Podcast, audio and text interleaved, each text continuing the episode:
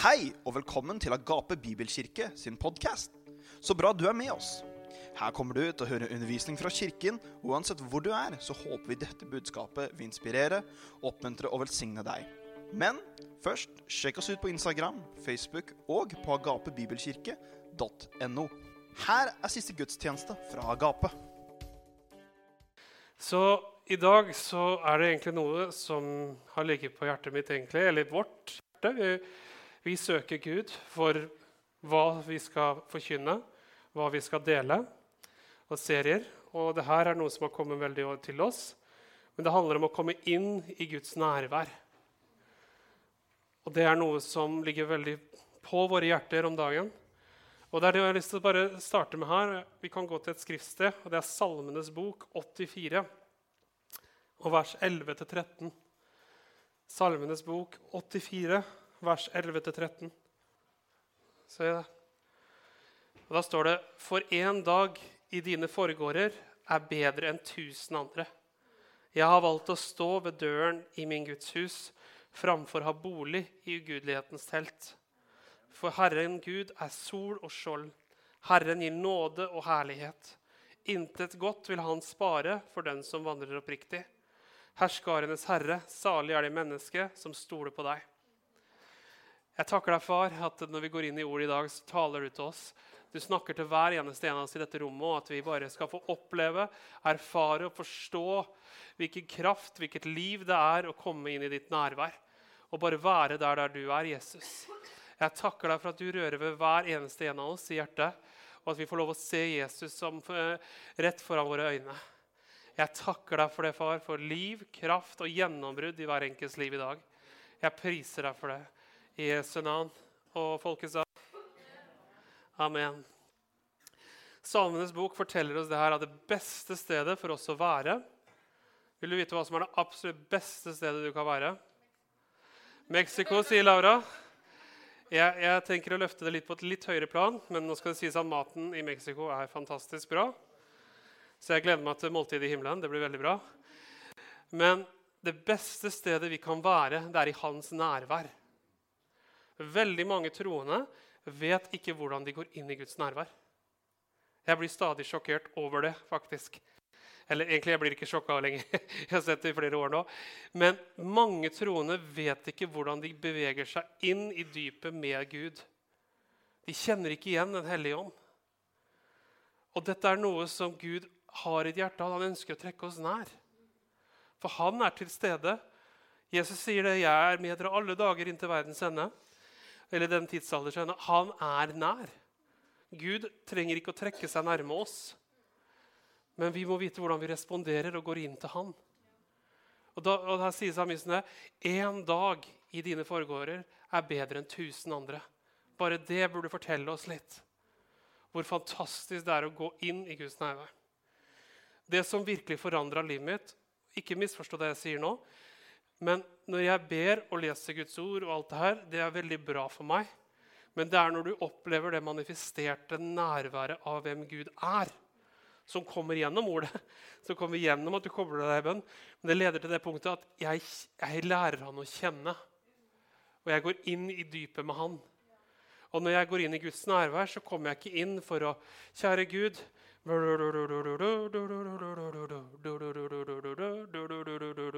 Sånn er bønnelivet til mange troende.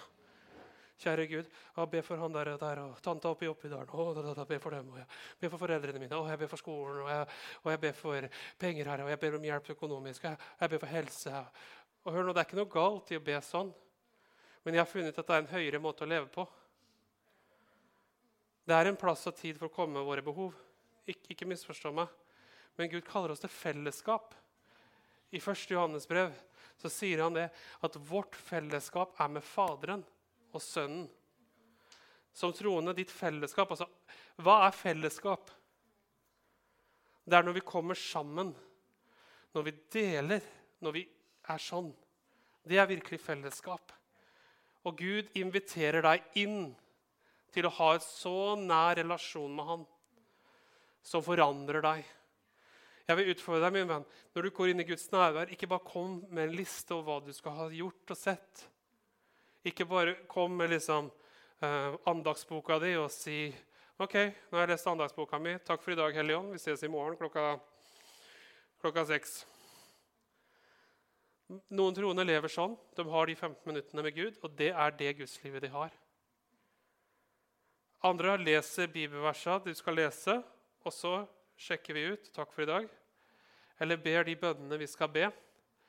Og Det er ikke noe feil i det, men det er så mye mer. Det er så mye mer å hente i din relasjon med Gud. Og når du går inn i Guds nærvær, må du gjøre noe. Veldig mange kristne går inn og må gjøre noe. Hvorfor kan vi ikke bare komme inn og være? Være sønn, være datter. Være og godta bare den kjærligheten han har for oss. Henger du med meg her nå? Og Dette er kjempeviktig. Og Dette er ikke noe du kan studere deg opp til. Dette er noe du må på en måte akseptere. Og ta det neste slags åpenbaringstrinn over grensa. At du kan ha en relasjon med Gud som er mer virkelig enn det vi har sammen. Fordi han bor i oss. Det er ingen som kan være nærmere deg enn han. Men om vi anerkjenner det, om vi forstår det, det er en annen ting. Men det vil Den hellige ånd så inderlig at vi forstår. Han viser oss vet du hva, Det eneste som kan forandre ditt liv, er den relasjonen med Jesus. Nærmeste mange tenker at det er Laura. Og vi er gift. Jeg ville legge ned livet mitt for henne. Jeg elsker henne av hele mitt hjerte. Men fortsatt min nærmeste, det er Den hellige ånd. For Laura kan ikke ta bolig i meg. Jeg kan ikke ta bolig i henne. Vi, har, vi elsker hverandre, vi har gått inn i en ekteskapspakt, og vi løper dette livet sammen. Men fortsatt, uten Den hellige ånd, så ville livet mitt vært et stort hull ikke på plass. Noen leter, tenker at hvis så lenge jeg får en kjæreste eller en ektefelle, så blir livet mitt bra. Min venn, det kan aldri gi deg fullt ut det du lengter etter. Men så mange tror at så lenge jeg får den jobben, den jenta, den utdannelsen, den lønna, det huset bare at disse omstendighetene legger seg på rette i mitt liv, så, så, vil jeg være lykkelig. Folkens, jeg møter folk som er rike, og de er fortsatt ulykkelige. Vi, vi satt på fly nå. Vi havna med en hel businessgruppe med 15-20 businessmenn. Alle var pent kledd og topp uh, merker og alt. Og midt inni der satt jeg og Laura. Og når vi tar av på fly, så har vi kommet opp i lufta, så reiser hans ene seg opp og holder tale for alle de andre og midt i gruppa sitter jeg og Laura. Inn på fly. Og jeg mener, når du sitter på fly, hvor skal du gjemme deg? Du kommer jo ikke noe sted. Du sitter der. Så vi fikk jo foredrag hele veien til Brussel. For da skulle de ned dit. Men vet du hva vi hørte? Vi, de tulla og skjemta, men samtidig hørte jeg de var rike, de hadde masse penger. Men alt var ikke på plass. Livet var fortsatt ikke på plass. Er ikke det interessant? Vi hele tiden tror så lenge disse omstendighetene forandrer seg, så blir alt bra. Så lenge jeg har bare mer av det, så blir alt bra. Så lenge jeg får den oppmerksomheten på sosiale medier, eller jeg får så mange venner, eller så mye sånt, så blir alt bra. Sannheten, folkens, det kommer aldri til å være nok. Vi kjenner folk som er på toppen, altså. Som er superhøyt oppe i systemet, og de er fortsatt ulykkelige. Hvorfor det? For det er et rom i deg og meg og i dem som bare én kan fylle. Og Det spiller ikke rolle hva slags utdannelse du har, hva slags jobb du har, hvem du er gift med, hvor du bor, hvilket fotballag du holder med, selv om det er et viktig spørsmål. Så jeg pleier å si det sånn, Dere som holder med Fredrikstad, dere er litt lenger unna enn oss andre. Så, jeg beklager, jeg bare tuller litt her nå. Så Da jeg var i Mexico på mannsmøtet, så hadde jeg et bilde med Liverpool. Liten logo og stor Manchester United-logo. Så sa jeg 'fra umodenhet til modenhet'. Og oversetteren min var Liverpool-fan. Så kan jeg tenke Han syntes jo det var kjempeherlig. Jeg er litt avslappa i dag, men veldig mange av oss vi leter etter Vi leter etter det vi vil ha, i feil ting. Du tror kanskje så lenge jeg får den og den og den, så ordner det seg. Sannheten er at det er bare Helligånd som kan fylle det området i livet ditt. Og han vil lære oss hvordan vi går inn i den relasjonen med han. Salme 91, 9-16. Skal bare ta det veldig kjapt her. Så står det, Salme 91 er mine favorittsalmer. en av de. Jeg er veldig glad i den salmen. Men da står det Du har gjort Herren, Han som er min tilflukt, ja, den høyeste, til din bolig. Derfor skal ikke noe ondt ramme deg. Ingen plage skal komme nær ditt telt. For han skal gi sine engler befaling om deg, så de bevarer deg på alle dine veier. På sine hender skal de bære deg, så du ikke støter din fot mot noen stein. På løve og kobra skal du trå. Du skal trampe ungløven og slangen under fot. Fordi han holder seg til meg, skal jeg utfri han. Du skal sette han høyt opp i trygghet, for han kjenner mitt navn. Han skal påkalle meg, jeg skal svare han. Jeg skal være med han i trengsel. Jeg skal utfri han og ære han. Med et langt liv skal jeg mette han og la han se min frelse. Wow! For et løfte. Men hva begynner det med her? Vi tar den delen her. Han har gjort Gud til sin bolig. Det ordet 'bolig' på hebraisk Jeg liker alltid å titte på det. Det er maon eller main, og det betyr bolig. Er ikke det dypt? Men det er det ordet Gud bruker når han snakker om å bo i tabernaklet, eller når han snakker om å fylle oss med en hellig ånd. Det er det samme ordet. Så det er sånn som Gud tar bolig i oss, så er vi kalt til å ta bolig i Han. Kristus kommer inn i oss, og vi kommer inn i Han. Det er en gjensidighet, folkens, at vi går inn i Han akkurat som Han har kommet inn i oss. Og Det vil jeg at du skal forstå. Det øyeblikket du tok imot Jesus Kristus, så flyttet Den hellige ånd inn i ditt liv. Men du flyttet også inn i Han. Og veldig mange ganger så er vi ikke klar over det fordi vi lever her oppe. Eller vi lever her, og vi er opptatt av det her, og vi er opptatt av jobb, og vi er opptatt av det og det og det og det, som tilhører liksom alt her. Men Gud vil at vi skal se litt dypere hvor vi faktisk er. Han, har satt deg inn i seg selv. Så utsikten din er som følger Kristus, Kristus, Kristus, Kristus. I Kristus betyr at du ser Kristus. Mange troende ser ikke Kristus, de ser problemer. Da må du justere hvordan du ser. For han har satt deg i seg selv. Men for å ha det fellesskapet og nå kommer jeg til å snakke, Dette er sånn terminologi som kan føles at det er litt sånn mm, Men eneste måten å ha fellesskap med Gud på er gjennom ånd. Har du vært på en lovsangskonsert noen gang? Og så har du kjent at det er et eller annet som beveger seg, og så kjenner du tårene kommer. Eller kanskje du sitter på møte, noen sa noe som bare kjente rørte med deg. Vi kan føle det, men fellesskapet vårt er ikke gjennom følelser. Altfor mange leter etter fellesskap med Gud i følelseslivet. Men fellesskap i ånd er hjertekontakt. Og Gud vil ha hjertekontakt med deg. Har du merka hvis du sitter med noen, f.eks. når jeg sitter med kona mi Og hvis vi ikke hadde hatt hjertekontakt, så kjenner vi at et eller annet er ikke helt på plass. Har du opplevd det? Sitte med noen folk noen gang? Dere har prata, men dere treffer hverandre ikke. Det er ikke hjertekontakt. Laura og jeg vi har hjertekontakt. Vi har aldri hatt et problem med å snakke om ting. Når vi data, så snakka vi åtte timer på Zoom. Altså, vi har, aldri, vi har aldri sluppet opp for noe å prate om. Det har aldri skjedd. Det tror jeg aldri kommer til å skje. Så begge vi to er pratemakere. Vi prater hele tiden. Så når det er to forkynnere som bor under samme tak, da vi bare Det er Så jeg vet at jeg snakker over gjennomsnittet for en mann. Det er jeg ganske klar over at jeg gjør.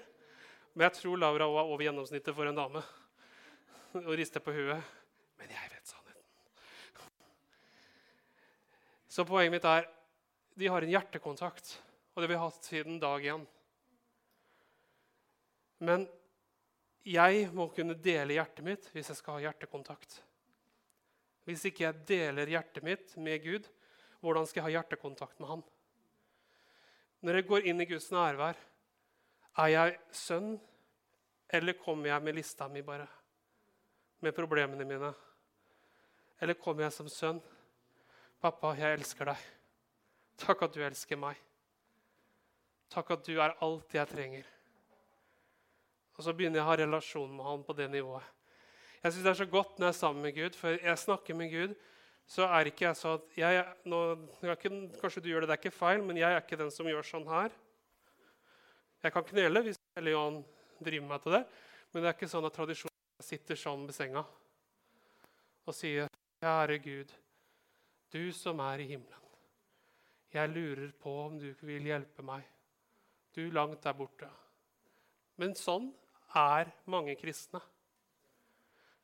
Men Gud har kalt oss til en toveis. Jeg hører Guds stemme. Jeg vet hva han vil, fordi jeg kjenner han. Vil du ha en sånn relasjon med Jesus i hverdagen? Han kaller deg til å gå på dypet. Største problemet mange kristne sliter med, er å høre Guds stemme. Om et av de store problemene, Grunnen til at vi ikke hører, er fordi vi ikke kjenner Han. Vi kjenner Han ikke gjennom Bibelen.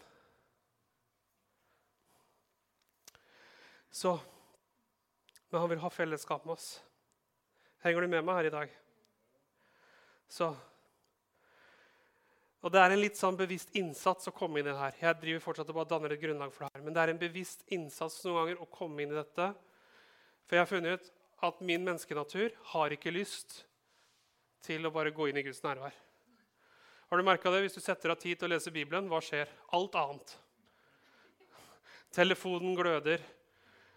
Et eller annet som bare drar oppmerksomheten din. Altså, det er helt utrolig. Hvis du sier til noe, la oss sette en tid og be sammen da den tiden så skjer alt. Og Derfor så noen ganger så trengs det en litt bevisst innsats fra oss å faktisk si ok, Gud, jeg går inn, og så kjenner du at det er litt sånn uh, ukomfortabelt. Fordi naturen din liker ikke å være i Guds nærvær. Det er veldig rart, men kjøttet vårt, altså menneskenaturen, liker ikke å være i Guds nærvær. Og Derfor så tror folk ja, men jeg liker det ikke, så da må jeg ikke gjøre det. Og hvis du gjør det, skal jeg fortelle deg hva som skjer med deg. Er du klar? Hvis jeg føler alltid det jeg føler, da hadde jeg spist uten ende, beveget meg så lite som mulig, est ut som en aerodynamisk ballong. Og vet du hva Det hadde gjort det? Det hadde fått meg til å føle enda mindre lyst til å gjøre det. Det her er derfor mange av oss havner i sykluser som ikke er bra i livet. Om det er, om det er overspising, om det er for lite aktivitet, eh, eller om det er andre ting om det er ting vi ser på og bruker fokus på som vi ikke burde. Problemet er jo mer vi begynner å gjøre av den samme tingen som er destruktiv, desto mer er det lettere for oss å gå inn i det som en vane. Så hvis du lærer deg sjøl til en vane å ikke gå inn i Guds nærvær, så har du aldri lyst. Selv om du sier du elsker Jesus, selv om du tror på han alt det, du vil ikke inn i Guds nærvær fordi du har ikke ledet ditt hjerte til å gjøre det. Henger du med meg det jeg sier nå? Jeg vet jeg snakker litt sånn nå at eh,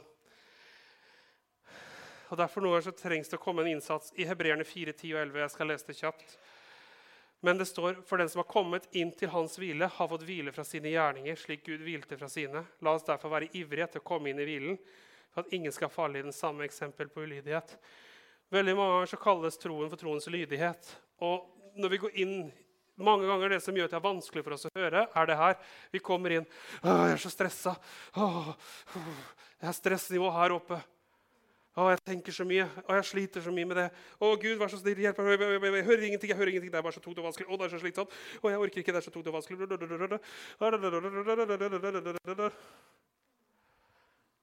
Og fordi vi er der, så er det vanskelig å høre. Vet du hva som er veldig godt tegn på at du trenger å stoppe opp når du begynner å bli frustrert. Det er et veldig første tegn. Når du begynner å bli frustrert, så er det fordi du har slutta å gå i hvilen og du har begynt å gå i kjøttet. Betyr det ikke at jeg kan gjøre bra ting hvis jeg er frustrert? Jo, jeg kan fortsette å gjøre bra ting, men jeg kommer ikke til å holde lenge. Når jeg går til et punkt, så er jeg slitt ut, så er det tungt, og jeg er brutt ned. Blir, vi blir stressa ut fordi vi beveger oss i stress og frustrasjon framfor at Den hellige ånd får lede oss. Vi får ikke gjennombrudd fordi vi prøver å pushe ting i frustrasjon framfor at Gud får gi oss et ord som skal gi oss kraft. Noen ganger så må vi stoppe opp og trekke oss inn i Guds nærvær uten å komme Og bare være sønn, være datter, høre hva han vil si til deg. Nei, men det vil ikke jeg ha. Jeg vil ha quick fix. Sorry, ingen quick fix i Guds rike. Få, for all forandring, all velsignelse, kommer innifra. Noen av dere leter etter omstendigheter. Han leter etter hjertet ditt. Jeg vet det er noen som koser seg skikkelig med det jeg sier nå. Men jeg vil dele noen ting med det her. Dette er å gå med dypet med Gud. og det, det, kan treffe at det ikke treffer alltid her. Fordi det er vanskelig å relatere hvis du ikke går inn i det. Men det er et bevisst valg som begynner der. Går inn i Guds nærvær. Veldig mange ganger når jeg går inn i Guds nærvær, så må jeg la Den hellige ånd få jobbe med meg til å komme forbi stresset mitt. Og det er det mange tiden mange ikke tar.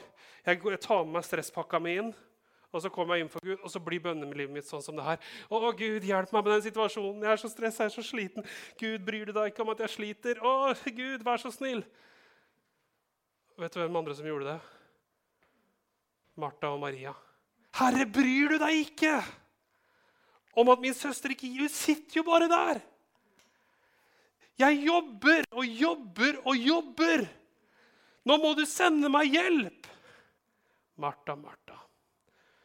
Det gjør deg mye stress og mye frustrasjon. Maria har forstått det. Det er ikke noen tenker at Maria gjorde ingenting. Det er ikke det det handler om. Men Maria gikk inn i Guds nærvær først og fikk det hun skulle ha. Det var den gode del. Og da, uansett hva slags stress, omstendigheter du møter, så ble det ikke tatt fra henne. Henger du med meg? Dette er en hemmelighet til å vare.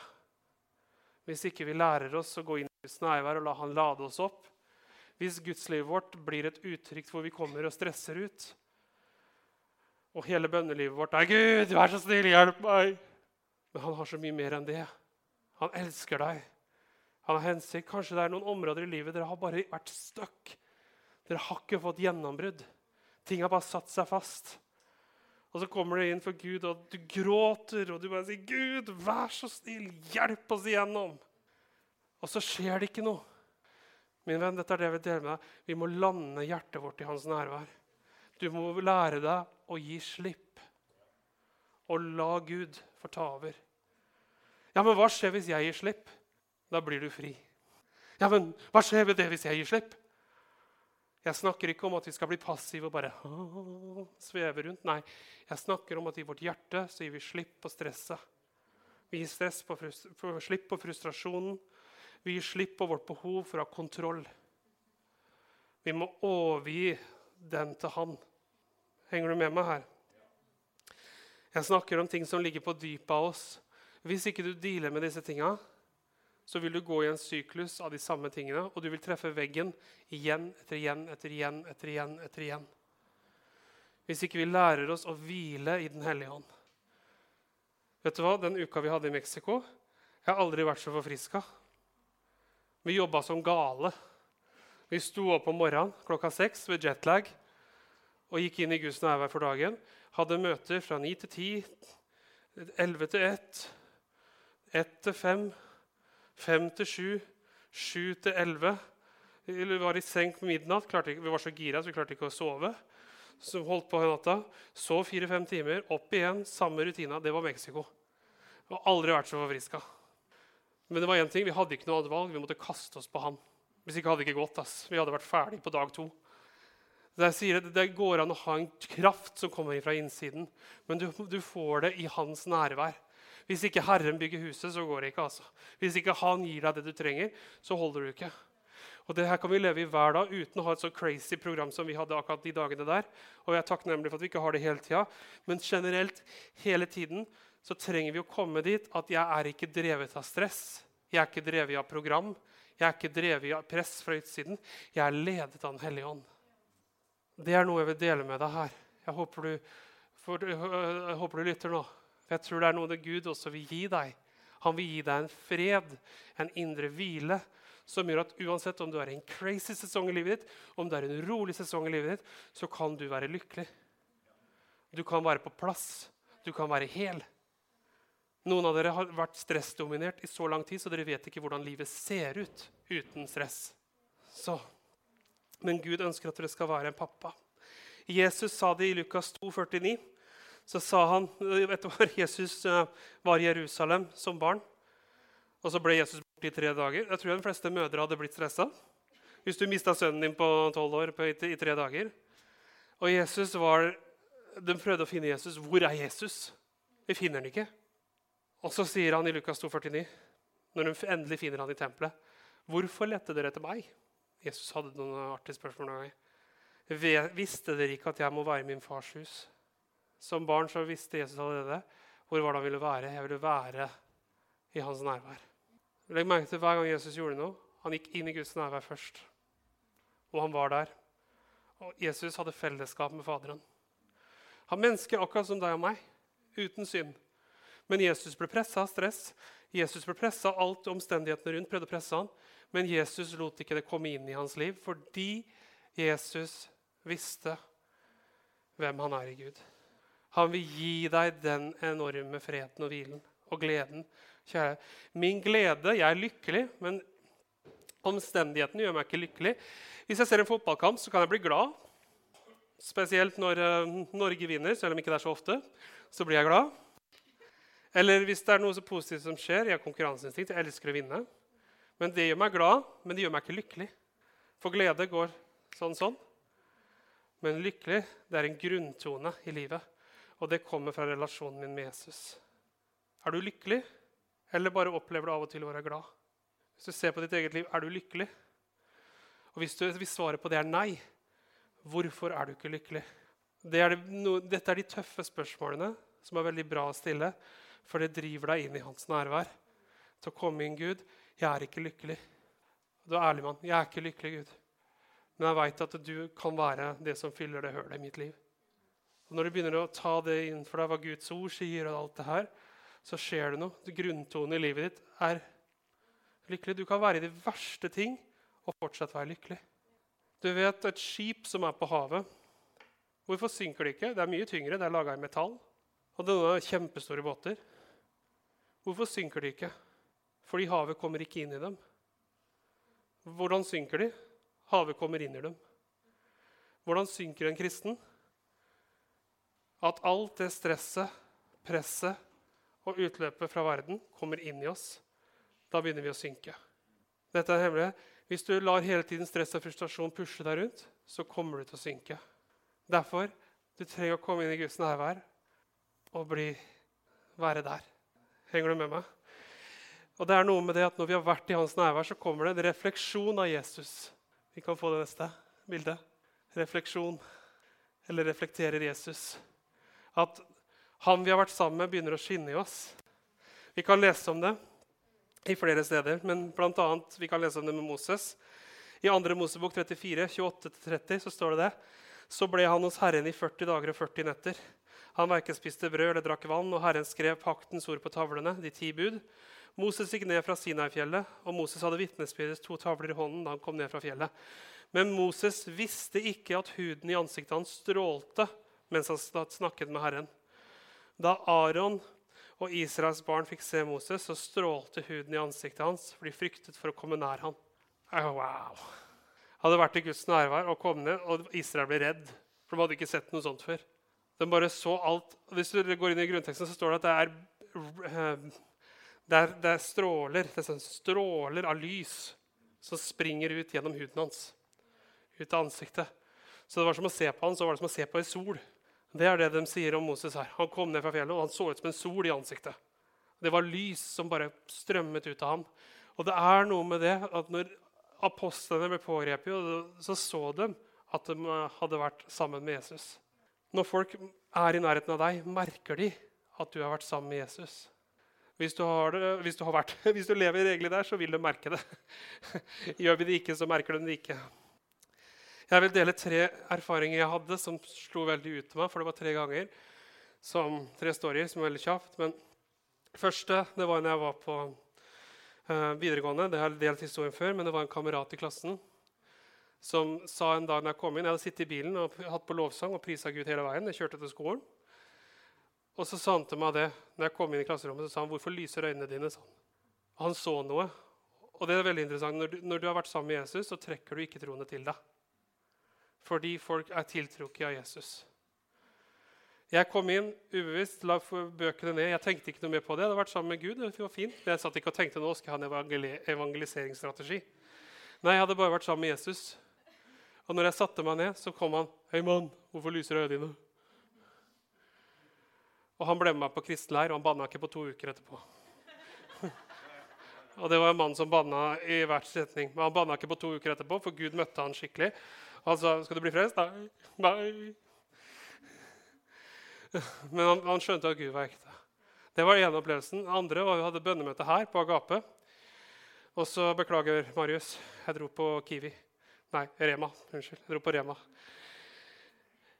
Men jeg dro på Rema og skulle plukke opp noen varer. Og når jeg kom på Rema 1000, så hadde vi vært på et møte, og Det hadde vært kjempeherlig. Jeg husker jo Guds nærvær hadde rørt veldig i det møtet. Og så tenkte jeg jeg skulle bare skynde meg inn og ta noen ting. Og mens jeg går inn, så merker jeg at folk begynner å snu seg og titte på meg tenker jeg, hva er det som skjer for noe? Har jeg buksesmekken oppe, eller, er det, eller har jeg klart å gjøre et eller annet rart? Liksom? Hva er det for noe? Og så kommer det en mann opp til meg og begynner å gråte inne på Rema 1000 der, med meieriproduktene. Så står han der og begynner å gråte. Og så er jeg ikke på plass. Jeg kjenner jo Jesus, men jeg er ikke på plass. Og hele greiene kommer ut. Inn med meieriproduktene. Jeg tenkte, hva er det som skjer? Så sa han i det øyeblikket du kom inn her, så var det bare som lyset kom inn. sa. Og da tenkte jeg igjen det var ikke noe jeg var bevisst på, det er ikke noe jeg kan produsere. Men jeg var sammen med Jesus. Og folk ble rørt av den grunnen. Gud kunne røre med mennesker fordi han hadde tilgjengelige. Er vi tilgjengelige for han? Dette her har ikke noe med å være pastor eller sånn eller sånn, eller hvor moden du er. Det handler egentlig om én ting. Er du sammen med han, så kan han få lov å skinne ut det andre gjennom deg. Folk trenger i dag troende som lever og går inn i Guds nærvær, sånn at de møter Jesus der hvor vi går. Jeg er sikker på at Her sitter også flere opplevelser som du har hatt sånne. Men hver gang så kommer det alltid, når jeg har vært i Guds nærvær, så er det en refleksjon av Han som tyter ut gjennom oss. Vi trenger å være i Hans nærvær, folkens. Men hvis vi ikke vet hvordan, så må vi begynne å, begynne å lære oss det. Og det er å ta et steg med hjertet. Få en hjertekontakt. Gå inn her. Begynne å snakke til Gud rett ut. Jeg husker første gang jeg opplevde å være i Guds nærvær.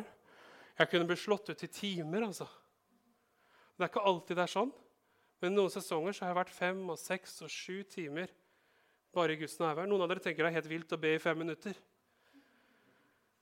Men når du er bare, når du kommer, det er hvis du ber bønnelisteopplegg, så blir det veldig kjedelig å sitte der i mange timer. Men når du bare er sammen med Jesus, så tida bare forsvinner, altså. Det er akkurat som du blir bare grepet i og bare boom. Og han inviterer deg inn i det livet og den kvaliteten av fellesskap. Kanskje du aldri har hatt det før, men det er for deg. Det er for deg å leve på det planet med han og bare være sammen med han, bare være sønn, bare være datter. Ta imot hans kjærlighet. Og det blir en sånn takknemlighet. Altså, det blir sånn Han elsker meg, jeg elsker han. Han elsker meg, jeg elsker han. Og det tar aldri slutt. Da begynner vi å få et glimt av hvordan evigheten vil være. Uten tid. Du blir bare grepet av Jesus. Sist lørdag Det er tredje storyen jeg skal ta fra Vastago. Så det er et bilde til på det. Og det var Forrige lørdag så hadde vi vært og hatt noen samtaler. og det, jeg må si Den samtalen vi hadde forrige lørdag i bilen med den personen, det er noe av det råeste jeg har sett Den hellige ånd gjøre noen gang. Gjennom en samtale. Jeg var sjokkert hvordan han virka i den samtalen. Men så husker vi at vi hadde hatt en veldig full dag. Og så kom vi inn på rommet. Jeg hadde forberedt en preken. Og så kom jeg inn der, og så begynte jeg bare å takke Gud for dagen. og bare være i hans nærvær. Jeg, jeg drev ikke liksom å forberede preken eller noe da. Så sa Gud til meg eh, så bare at jeg har noe nytt. Og så fikk jeg et åpent syn. Og i det synet så sto jeg på den plattformen der. Men det var ikke jeg som sto der. Det var Jesus som sto der. Og, han, og så, så, så, så jeg, Akkurat som jeg sto fra scenen, så så, så jeg hendene gikk ut sånn. Og så hørte jeg Jesus som sa, 'Jeg har kommet for å gjøre dere hele'. Så sa han det til menigheten. Og så var synet over. Men det var bare så wow. Altså, jeg, bare gikk rett ned. For Hellig Ånd bare Så jeg henta ut en annen preken som han ba meg hente ut. Gikk på gudstjenesten. Det var to gudstjenester. Preka. Første gudstjenesten så merka jeg at det rørte mange ting på dypet. Men jeg så ikke så mye der. Og så kom neste gudstjeneste, og imellom da så kommer det flere og sier at eh, Jesus begynte å røre med meg på ting jeg ikke kan forklare. Og så etter den gudstjenesten her så kommer mange folk fram, og vi ber for dem og bruker god tid. David oversetter veldig bra. Men i ettertid, for vi hører ikke hva som skjer, så hører vi alle historiene om hvordan de opplever at Jesus kommer og rører dem i dypet av deres liv og drar fram ting som aldri har vært i lyset. Og de sa det, jeg opplevde at Jesus kom til meg og gjorde meg hel.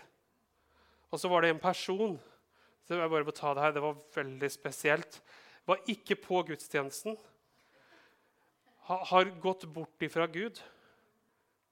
Plutselig så det var det, lett etter noe helt annet. Ja, lette etter et TV-program. Plutselig så poppa gudstjenesten på Vastago opp på Facebook. Og så begynte bare å se og hørte budskapet og alt. Og gjennom det budskapet så kommer Jesus til vedkommende.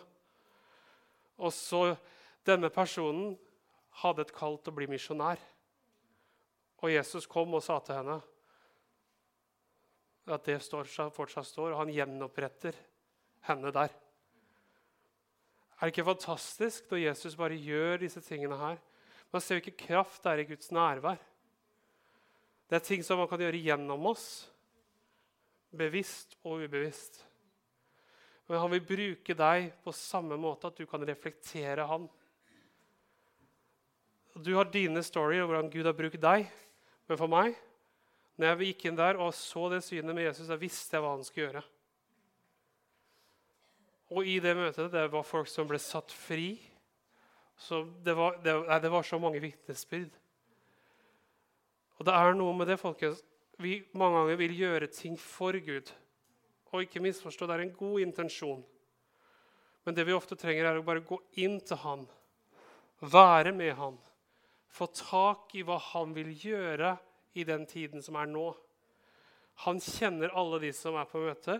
På innsiden av meg når jeg sto i den og delte det her, så var jeg sånn Jeg ser ikke noe med mine naturlige øyne hva Gud gjør. Men jeg visste han kom til å gjøre noe fordi han hadde vist meg det på forhånd. Og så hører jeg storyen etterpå hva Jesus gjorde i folks liv. Min venn, hvis du hele tiden leter etter det fysiske beviset, så vil du miste det Gud gjør. Hans nærvær, å gå inn der og bare være sønn og være datter vil forvandle deg. Ikke bare deg, men din familie. Jeg skal dele én ting veldig her. Vi er straks uh, Se, tida flyr. Jeg skal dele én ting til. Vi kan ta det tredje bildet, Lamia. Blokkert. Noen ganger skal vi føle at det kan være blokkert. Jeg har lyst til å dele et skriftsted her med dere veldig kjapt. Men det står i 1. Mosebok 26, 18-22. Og da står det om Isak. 1. Mosebok 26, 18-22. Isak gravde opp igjen brønnene de hadde gravd, igjen i hans fars, gravd i hans fars dager. For filisterne hadde kastet dem igjen etter Abrahams død. Han ga dem de samme navnene som hans far hadde gjort. Isaks tjenere gravde også i dalen, og de fant en kilde med rennende vann. Men gjeterne fra Gerar med, kranglet med Isaks gjetere og sa det er vårt vann. Derfor kalte han kilden med navnet Esek, fordi de lå i strid med han eller krangel med han. Så gravde de en annen brønn, og den kranglet de også om. Og Derfor kalte han den med navnet Sitna. Og han flyttet derfra og gravde en annen brønn, og den kranglet de ikke om. Og Derfor kalte han den navnet Rehobot. For han sa, 'Herren har gjort rom for oss, og nå skal vi være fruktbare i landet'. Det jeg bare lyst til å dele her mange ganger. Mange ganger når vi begynner å gå inn i Guds nærvær, så vil fienden prøve å gi deg en grunn til å ikke gå inn der. Han vil prøve å kaste et eller annet på deg av situasjoner, om det er frykt, stress, angst, om det er sårhet, at noen sårer deg. Et eller annet, Alt som kan hindre deg. Faktisk, Å være i Guds nærvær som det her er jo egentlig veldig bra beskrivelse, det er som å få en hjertevask. Det er som å få en holdningsvask. Det er for å få alt det din sjel blir vasket. Sånn er det å være i Guds nærvær. Og det, Istedenfor stolthet så kommer ydmykhet. Istedenfor sinne så kommer fred. Istedenfor um, sorg så kommer glede. Det er en hjertevask fra innsiden og ut når du er i hans nærvær. Hvis du har det tungt, hvis du har det tøft, folkens, du trenger en hjertevask. Og det får du i hans nærvær. Om du er hele tiden bekymra for noe, kanskje du ikke får sove om natta, du er redd, du trenger en hjertevask. Gå inn i hans nærvær. Men her står det Isak fant et kilde til vann. Hva gjorde de? De filisterne kom hele tiden og tettet det og gravde det igjen. Igjen etter igjen etter igjen. Så kom det en årsak til Isak kunne sagt vet du hva, dette landet gidder vi ikke mer. Nå stikker vi og gjør noe annet. Men det var det samme landet som hans far hadde fått av Gud. Og de ble der. De gravde opp igjen og de gravde opp igjen. Og de gravde opp igjen. Og de lot ikke fienden få ta fra dem det som Gud hadde gitt dem. Folkens, Det mest dyrebare du har, det mest viktige du har, er den relasjonen med han. Ikke la noen ting få ta det fra deg. Ikke la noen ting få ta den relasjonen bort ifra deg. Han elsker deg. Hans nærvær er det du trenger. Mange ganger du har gjort de riktige tingene, du har lest de riktige tingene, du har sagt de riktige ordene, men du trenger nærvær. Du trenger å komme inn for han, overgi deg til han og bare 'Jesus, jeg vil ha deg'. Jeg vil ikke bare gjøre disse tingene. Det er ikke religiøst rituale. Nei, det er fellesskap. Det er liv. Det er å ha Han på innsiden. Det er å leve der hver eneste dag. Og hvis ikke vi lever der, så går vi glipp av det beste Gud har for oss. Jeg kan bare ta det her med vann. Jeg vet hvor viktig vann er. for vet du hva? Siden vi flytta inn i huset vårt, har vann vært en evig kamp. Vi hadde forferdelig dårlig vann. Og etter masse råd og masse penger og masse styr så måtte vi, vi måtte skifte ut nesten alt. altså. Og til slutt så bora vi. Du kan ta det neste bildet. Så det var en veldig traumatisk sesong for katten vår òg. Det er en grunn til at han er der, og det skal jeg fortelle deg. Du ser Han er ikke så veldig fornøyd. Jeg har sett det blikket to ganger. ene gangen var da, det andre gangen var da Laura flytta inn. Så jeg har bildet da. Da satt den sånn. Så han har vært sånn eremittkatt, har bodd alene med meg. og Han tenkte at det var fredelig og godt. Først kom Laura, og så et år senere kom Eila. Så det var okay, tre ganger. Det var, det var en veldig traumatisk sesong. Men du ser ved jobben, det var midt på vinteren. Vi måtte bore etter nytt vann. Takk Gud. Det var en veldig kul story. For De sa det er ikke sikkert vi finner vann. Så sa jeg jo, det så gjør vi. Så sa de ok, hvordan vet du det? Nei, bare stol på meg, sa jeg. Og det jeg gjorde, jeg gikk inn i Guds nærvær og spurte en hellig ånd. Og så pekte han meg hvor vi skulle bore.